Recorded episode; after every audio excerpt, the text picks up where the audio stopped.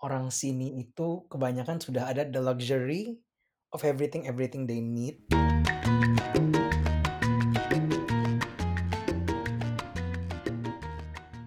Hai guys, balik lagi di podcast gue. Dan sekarang gue ada dua teman gue dari uh, Michigan. Satu namanya Sean, satu sama namanya Josh. Nah kita dulu waktu masih kuliah kayak sering banget ngobrol-ngobrol ngelantur kayak panjang gitu tentang banyak hal dari tentang apa ya, tentang politik lah, terus tentang tech lah, tentang macam-macam deh. Cuman bedanya mungkin sebenarnya kita nggak expert gimana ya, kita kita nggak expert sama sekali kali ya guys. Cuman kayak ya udah seru aja gitu ngobrolnya. Jadi um, ya kita pengen coba ngelakuin itu lagi hari ini. Coba kenalan dong guys. Sean dulu deh Sean. Hai, gue Sean. Gue software engineer di Ithaca di Ann Arbor, Michigan. Dulu kenal Medi dari dia teman pertama di Michigan. Kita sama-sama clueless mau ngapain, nggak tahu apa-apa. Terus ternyata ada Josh juga yang liatin kita dari jauh tapi nggak kenalan. Aneh banget, padahal ternyata rumah kita seberangan, cuman si Josh dulu malu-malu. Um, Oke, Josh ya, gantian. gue baru aja graduate dari Michigan dan sekarang dan, dan, dan sekarang lagi proses uh, nyari kerja tapi situasi kayaknya lagi kurang mendukung. Jadi uh, kita lihat aja beberapa bulan ke depan. Tapi ya senang bisa di sini sama Medi dan Sean. Gue ketemu sama mereka by the way. Um, pas lagi permias. Jadi kebetulan um, kita lagi ada meeting um, perkenalan welcoming gitu terus habis itu gue ketemu sama mereka dan akhirnya kita di sini deh sekarang. Gila. iya. Josh mah aktif banget ketemunya di Permias keren. Oh ya kalau yang nggak uh, tahu Itaka itu apa tempat Sean kerja itu kayak kalau lu pernah kuliah lu pasti pernah pakai harusnya um, apa Sean J-Store ya? Eh kok J-Store sih iya. namanya? Iya J-Store Iya. J-Store. Anyway um, hari ini kita mau bahas sesuatu yang lumayan hot tapi semoga discussionnya nggak terlalu gimana berat um, which is why are Americans so American ya nggak guys Tedeng deng. Jadi ini something yang kita dulu sering banget bahas gitu ya. Kita tuh tiga orang Asia di Indonesia di sebuah uh, university yang kayak super white. Uh, gimana? Mungkin kalian bisa coba ngomong about our beloved university. Ya basically jalan-jalan ke mana banyak flat, banyak orang putih lagi melakukan hal-hal yang orang putih lakukan. Dan kita hanya menonton dan ya begitu aja sih. Iya, yeah, so I guess kayak kita cukup observatif lah tentang um, ya Americans and how they behave gitu. Karena dulu mungkin waktu kita college karena kita dulu bertiga dari community college kan kita di lingkungannya banyak Indonya sama banyak Asia international studentsnya. Jadi mungkin kurang nyadar gitu ya. Tapi waktu pindah ke Michigan kan kayak lebih involved lebih exposed lah not involved lebih exposed ke um, how the Americans like discuss about things and how the Americans think and all that. Dan ya menurut kita interesting aja sih kayak perbedaannya sama kita dan apalagi karena di sana kan kita jadi lebih nyadar soal kayak how they see politics kan yang lagi emang hot banget terutama because of Trump and ya gara-gara ngomongin politik gue juga pengen ini nanya dikit ya di US kan lagi cukup rusuh ya karena um, protes yang George Floyd segala macam katanya kemarin ada demo di Ann Arbor iya ada orang jalan ada banyak kumpulan orang yang jalan-jalan di Ann Arbor tapi nggak terlalu nggak seheboh kayak di media sekarang. Hmm, ya, ya. Ya. Ya, sempat. And it's right. Kenapa Josh? Sempat ada gue gue sama Sean sempat dengar ada apa like mean I, I I'm not gonna say demonstration, it's more like kayak, kayak mini demonstration gitu lewat. Dan I mean there's no unrest untuk sekarang di Ann Arbor tapi Atlanta um, and stuff like that. I see. Oke okay lah ya, that's good lah if you guys are safe. Um, cuman ya gini ya, selalu di Amerika kayak tiap kali kita di sana juga kayak tiba-tiba ada sesuatu yang kayak heated banget kayak waktu Trump katain apalah, waktu ada ini kejadian lah, misalnya Russia probe apa kayak it's like American politics uh, itu drama banget. Dan akibatnya orang-orang di Amerika juga jadi apa ya kayak it's so heated gitu kayak discussions about this side of the government versus that side of the government and it just it's so different dari yang kita hadapi di Indo sih menurut gue karena kayak kalau di Indo oke lah um, kalau lagi mau pemilu emang heated gitu. Sisanya ya nggak nggak terlalu gimana gitu. Paling cuma orang nyinyir di Instagram kayak komen-komen. But it's not really like everyone sering aja ada demo atau ada protes mengenai sebuah UU atau sebuah bill nggak kayak di sana gitu but um, although I think that political activism is good kayak bagus lah kalau rakyatnya at least ngerti nih ada ada peraturan diganti atau apa menurut kalian nih kenapa sih um, selain yang bagus-bagus itu kenapa banyak banget kayaknya di media Amerika itu orang tuh kayak apa ya kayak passion banget buat marah-marah buat gimana gitu from both sides ya hmm. menurut gua karena orang sini itu kebanyakan sudah ada the luxury of everything everything they need. Jadi they have the time to go for things like that. Meanwhile di Indonesia kebanyakan kebutuhan pokok itu bahkan belum terpenuhi. Jadi orang-orang tuh nggak even care about the politics in itself. Kalau menurut Josh? Menurut gue sih lebih ke culture-nya ya. Kayak kalau kalau di Indonesia itu lebih tolerant. I'm, I'm, I'm not gonna say, hmm, okay. I think lebih tolerant in differences, and then um, in, in terms of kalau lu punya opini yang berbeda ya, tapi gue nggak bakal bilang in terms of many other things, I guess. Mm-hmm. Jadi dan apa dan Indonesia tuh menurut gue lebih permisif gitu, both in mm. good and bad ways. Jadi um, kalau ada differences orang lebih willing untuk discuss. Dan dan political spectrum di Indonesia tuh menurut gue menurut hmm, ini opini gue doang ya tapi menurut gue Jok, uh, Jokowi itu lumayan pinter in like handling the political situation in the sense that dia sekarang tarik apa um, Prabowo untuk jadi menteri pertahanan ya. Masuk. Ah iya. And uh, okay. dia, dia, dia, dia, dia kayak punya dia kayak punya banyak punya banyak orang dari faset-faset yang berbeda bareng sama dia. Jadi di Indonesia tuh menurut gue sekarang tuh seakan semua orang nyatu di Jokowi gitu. Sementara kalau di Amerika lebih ke spektrum dari ujung ke ujung kan. Jadi orang lebih banyak uh, marah-marah karena menurut gue sekarang politik di, di di Amerika ya orang lebih angry untuk discuss politik karena spektrumnya tuh bedanya jauh banget gitu. Hmm.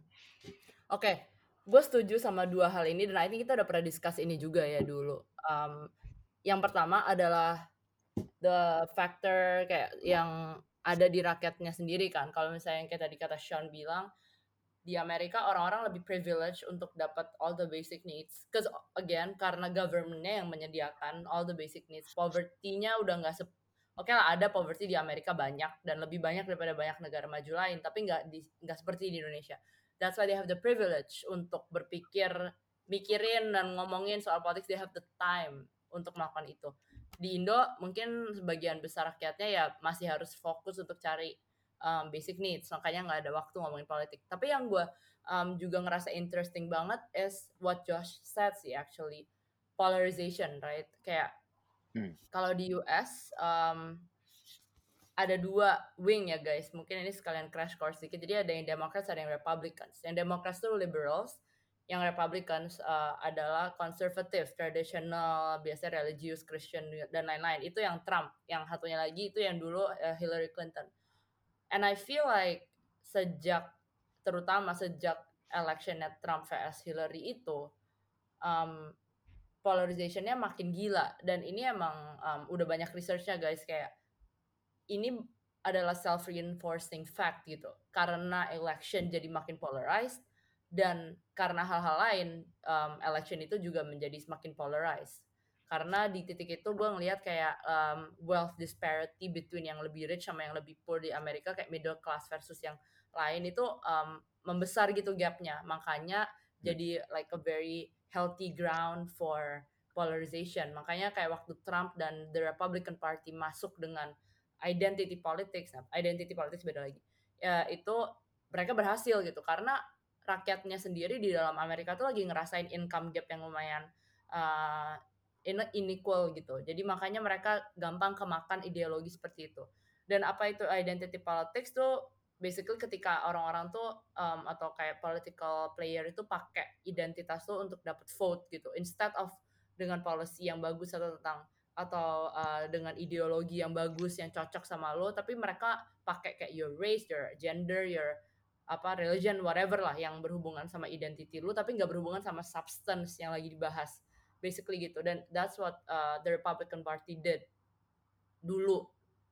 Dan memang biasanya uh, identity politics ini karena mereka pakai perasaan ya ya kan? Itu kan lebih ke perasaan bukan pakai otak ya kalau um, mereka kampanye pakai identity politics. Makanya biasanya suka based on lies and based on apa? Hate. Uh, hate ya. Hmm. soalnya um, ya mereka kan mau main perasaan ya mau ba mereka sengaja mau baperin. And this is what I think a lot of people yang um, mungkin cuman sering sekali-sekali ngelihat news itu nggak nggak nggak ngerti. Kayak kenapa sih Trump bego banget ngomong kayak gitu di Twitter itu political strategy dia guys. You cannot judge him based on that. Kayak you cannot say he's dumb or anything. Gue yakin pol, uh, politikus kayak Trump gitu nggak bego. Mereka tahu ini tuh mungkin nggak sopan ya untuk dibilangin atau mereka tahu mungkin kalimat ini terdengar uh, bodoh. Ya tapi mereka nggak peduli lah kalau itu works for them gitu kan. Karena ya Amerika biarpun negaranya terlihat maju mereka nggak semaju itu kok banyak yang uneducated yang bisa relate sama Twitter Twitter bego kayak gitu gitu loh fun fact tiga puluh cuma enam tiga puluh enam persen dari masyarakat di sini yang educated actually college educated college ya, ya kan? Oh, iya. Kayaknya banyak orang nggak nyadar itu deh, kayak dikirain semua orang di Amerika udah kuliah ya. Enggak guys, cuman berapa sepertiga yang udah kuliah loh. Iya. Sisanya nggak tahu. Iya, padahal high school itu gratis, jadi mereka cuma harus bayar untuk itu. Kalau menurut lu gimana Josh? Identity politics, I mean, tapi itu inevitable way.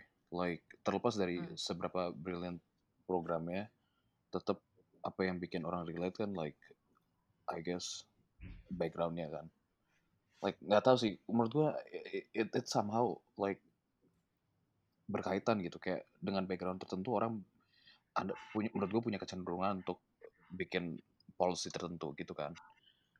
Jadi hmm. I think it's inseparable apa apa your your um political your identity and your, your identity and, con political content gitu. Yeah menurut menurut gue itu sort of tapi enggak completely tapi sort of inseparable. It's sort it's sort of like well, one never, package itu kenapa? Yes ya yeah, I never thought of it that way. Kayak ya menurut gue pemikiran lo bagus juga. Kayak selogik logiknya orang you cannot really separate ya yeah, your identity and the things that you do aja sih. Itu benar. Dan yeah. makanya orang lebih relate kalau lo pakai senjata itu kan daripada ngomongin policy yang berat-berat ya nggak? Yeah. And btw guys, fun fact juga, um, cuman 6% orang di Amerika yang actually kayak gila-gila yang apa suka cuat-cuat di Twitter kayak Make America Great Again itu cuma 6%, tapi mereka kayak kelihatan banget gak sih kayak di internet dan di media lain.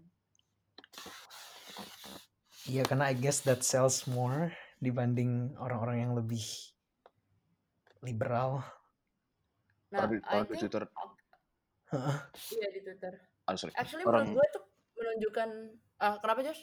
Orang di Twitter aja katanya 50% orang yang ngomong kayak gitu tuh sebenarnya bot. Bot. Iya weh. Like gue kayak yeah. I've seen that. that, that that's crazy. Gue gue um I mean maybe I need to fact check that, but kayaknya it sounds legit sih based on reports. Jadi, I mean based on how Trump was known to swing the election use ada dan ada hubungan dengan Rusia, I think that's very very possible sih. That's very possible sih kalau dia berani sampai ke situ. Yeah. Apalagi pakai bot yang cuman kayak it's not even illegal, you know. yeah, that's insane. Oh, btw yang tadi gue ngomongin 6% itu I think what it shows is that sebenarnya ada something yang di dalam ideologinya orang Amerika sendiri yang bikin mereka suka baca ngerti gak sih? Kayak gue baca researchnya, Jadi 67% orang itu sebenarnya kayak orang-orang yang pasif gitu loh tentang politics. Kayak mereka mungkin bisa jadi Republican atau Demokrat tergantung keadaan aja dan mereka kayak exhausted majority namanya. Karena mereka udah capek nih sama um, era-era yang dulu. Um, jadi mereka lelah ngeliatin semua kegilaan politics ini. Sebenarnya yang kayak paling kanan, yang ko- paling konservatif Republikan, sama yang paling kiri yang liberal Demokrat banget tuh cuman kayak itu single digit. Tapi menurut gua mereka bacot banget di mana-mana karena freedom. Kayak Amerika tuh menurut gue sangat memvalue individualism and independence kan. Itu kayak dua hal yang paling utama banget di Amerika. Menurut gue semua Yeah, undang-undangnya tuh based on that. First Amendment, Tapi gue setuju Amendment. kayak ya Second Amendment, First Amendment, bahkan First Amendment ya, which is um, kayak something kayak sebuah law yang kayak direspect banget lah di US. Itu freedom of speech gitu. Dan the best way to put it is that if you're American, you're free to say anything you want with or without kindness gitu. Jadi kalau gue bilang kayak apa ya misalnya kayak gue nggak suka kopi, kopi nggak enak, terus ada orang suka kopi, gue bilang bego lu, kopi nggak enak, itu nggak apa-apa, itu fair, itu fair and square kalau di sana. Minimal kalau di Indo enggak, kita nggak punya value itu. Tapi gue tuh selalu dilema, value ini tuh bagus atau enggak sih sebenarnya? Menurut kalian gimana? Menurut gua sebenarnya se- in the beginning it was a good idea dan dan gua ngerti kayak censorship and all that itu harms a lot of people. But anything taken to the extreme is bad dan sekarang udah mulai taken to the extreme aja. Where everyone has to have a say dan itu malah jadi demeaning to a lot of causes. Hmm. Hmm. Menurut lu Josh? Menurut gua, menurut gua itu bagus sih karena in in in issue like this ini antara ada free speech dan nggak ada free speech sama sekali kan. Jadi kayak Heeh. begitu lu punya begitu lu punya free speech, it has to be like a whole gitu. Iya, iya. Tapi as long as long as speech lu do not apa namanya interfere with, with any other statute of law or something, then I think it'll be fine. You know, like kalau misalnya lu lu uh, th- this reminds me of like there's like this case di mana ada dua orang pacaran and then pacarnya like text the boyfriend to like kill himself or something. Oh iya, iya, That- iya. that- that- Gue pernah, gue pernah. that cons- that constitute as a crime kan tapi it's also I mean in in the surface it, it looks like free speech. yeah jadi like as long as it does not apa lead lead lead to that way then I think it's fine but again it's it it must be uh, as a whole or not at all and I think as a whole is better of course Gue setuju sih. Kayak masalahnya itu loh, kayak yang tadi Sean bilang tuh benar. Kayak kalau udah to the extreme, ketika semua orang boleh ngomong apa pun, boleh ngomong kata-kata racist or like anything itu boleh. Um, secara baik secara sosial maupun secara hukum itu bisa jadi masalah kayak sekarang gitu ya semua orang bebas ngomong apa pun hoax aja boleh gitu jadi nggak ada yang tahu nih hoax apa enggak Iya. mulai kayak mulai nggak jelas gitu. Karena menurut gue dulu waktu era Obama tuh orang masih ngomongin kayak actually policies-nya apa terus kayak implikasinya apa economics-nya gimana. Sekarang udah enggak gila. Kayak headline-nya cuman kayak Trump tweets ini. Terus orang marah-marah kayak ya udah kayak gue capek dengerinnya gitu loh. Dulu waktu gue pertama kali pindah US I thought um, uh, US politics was interesting dibanding Indo politics karena Indo politics politikusnya kadang aja nggak bisa jelasin itu maksudnya apa. Kalau di US kan bisa gitu tapi lama-lama jadi kayak you know jadi kayak anak SMP berantem gitu. Semuanya mau ngomong semuanya mau ngomong yang mereka percaya gitu.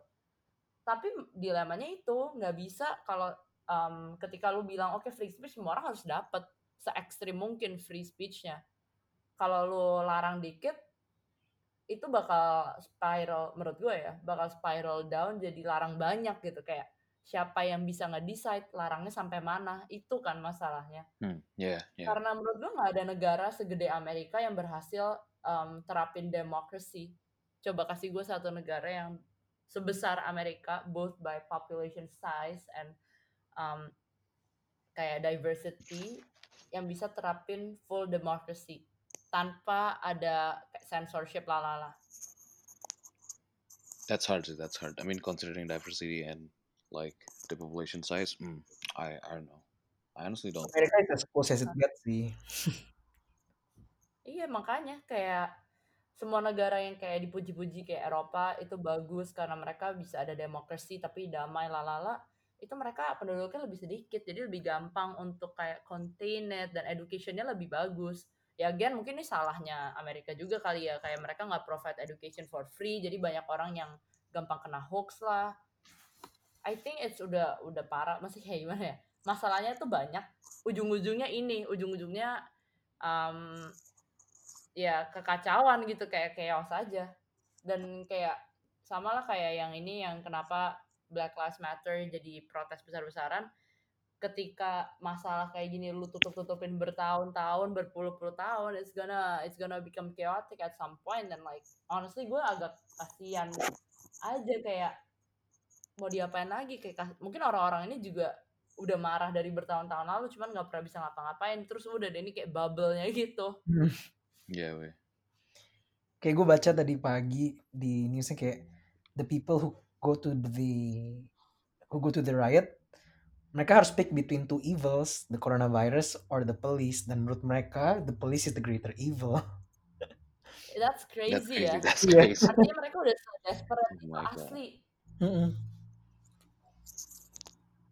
Ini kayak orang-orang yang udah have nothing to lose sih menurut gua kayak mereka so like tired of this. Terus ya udahlah bodo amat kayak. I- it speaks volume sih to what is going on gitu. Dan ini ini menurut gua ironinya with the amount of freedom of speech yang America has, yang mereka agung-agungkan banget. Um, case-case kayak gini dibungkam gitu. Kayak that's the irony. And I think this is kayak yang tadi Sean bilang ketika udah mulai ekstrim freedom of speech-nya biasanya satu suara yang paling kenceng misalnya suara presiden ya kayak sekarang. Dan akhirnya bisa jadi kayak malah membungkam freedom of speech yang lain gitu loh. Karena udah terlalu heat up. Ya I think semua menurut gue ya sama kayak financial crisis. Semua hal yang terlalu exciting yang kayak terlalu dibesar-besarkan akan jadi bubble pada akhirnya. Seperti ini akhirnya udah nggak ada diskusi yang berfaedah semua orang cuma berantem terus satu suara yang paling kenceng yang menang I mean, headline sells sih. Jadi, I mean, I can't lie. Marketing for thatnya works, but like it doesn't lead to anything. I mean, it's pretty sad. It's really sad. Oh. Menurut gue ya, like Americans kayak hold um, identity kayak kayak personal personal thought, personal opinion tuh so much. Tapi mereka tuh have this cult of apa ya, cult of being in a group gitu. Kayak kesannya kan mereka kayak oh gue boleh ngomong apa pun yang gue mau dan lu harus terima itu tapi mereka tuh so desperately want to be in a team ya nggak sih Hmm. If you okay, kalau kalau misalnya lu bilang um, politics menjadi team sports, I think so. Like kayak I gitu mean, kan sense of kesannya yeah, sense of belonging in terms of like uh, which political parties do you belong to? hmm. And I think yeah, it it, it it sort of becomes like team sports. I think sort of like your team lose, my team win. It's, it's like zero sum game or something. Tapi kalau gue then- lebih kayak choosing the lesser of the evil aja sih, bukan Yeah, kayaknya a lot of people lebih indifferent juga. Mungkin mirip-mirip kayak kita. Kayak- Kayak di Indonesia mungkin kayak lebih indifferent, tapi banyak as you said kan yang yang the leftmost people and the rightmost people kan kayaknya cuma 6% atau berapa persen kan. Yang tengah itu sebenarnya lebih indifferent tapi mereka mereka suka dengan mungkin progress negara Amerika dan mungkin the freedom of speech of Amerika. Jadi mereka lebih indifferent cuman kayak see which is the lesser evil aja kan. Dan many people mungkin gak interested in the politics itself. bener juga sih iya sih. Iya gue lupa bahkan itu gue yang ngomong sendiri faktanya. Ya I just thought that it's interesting gitu waktu gue ke US kan kayak kesannya mereka mereka oke sports is huge in the US kayak mungkin itu negara paling gila olahraga menurut gue karena kayak semua olahraga banyak banget fansnya.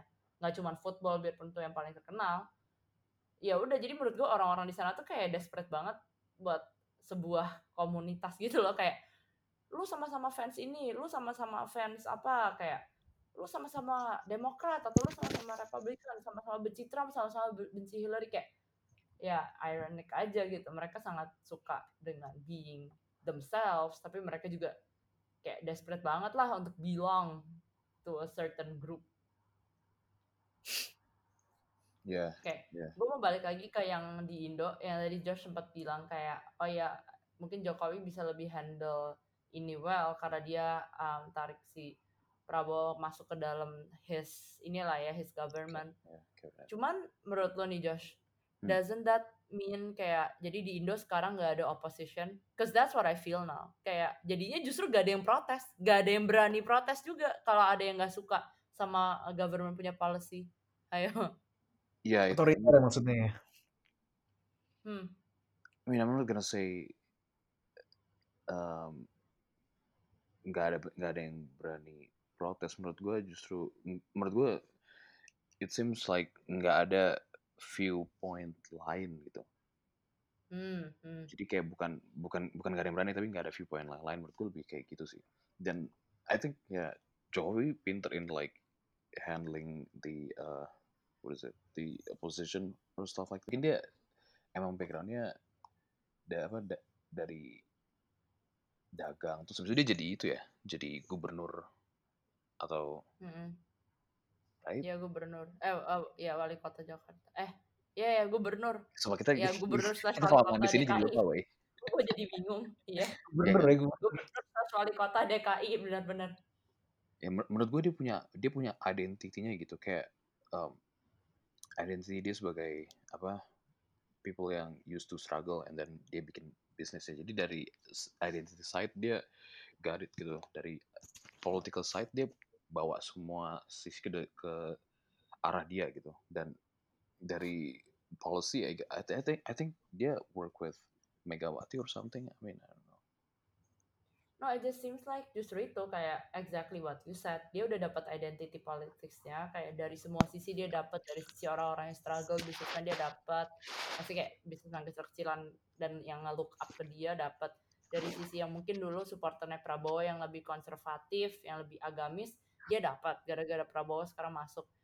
Sekarang Hmm. siapa gitu loh oppositionnya kayak I mean sama nobody don't balik lagi nggak ada political discourse. Kenapa?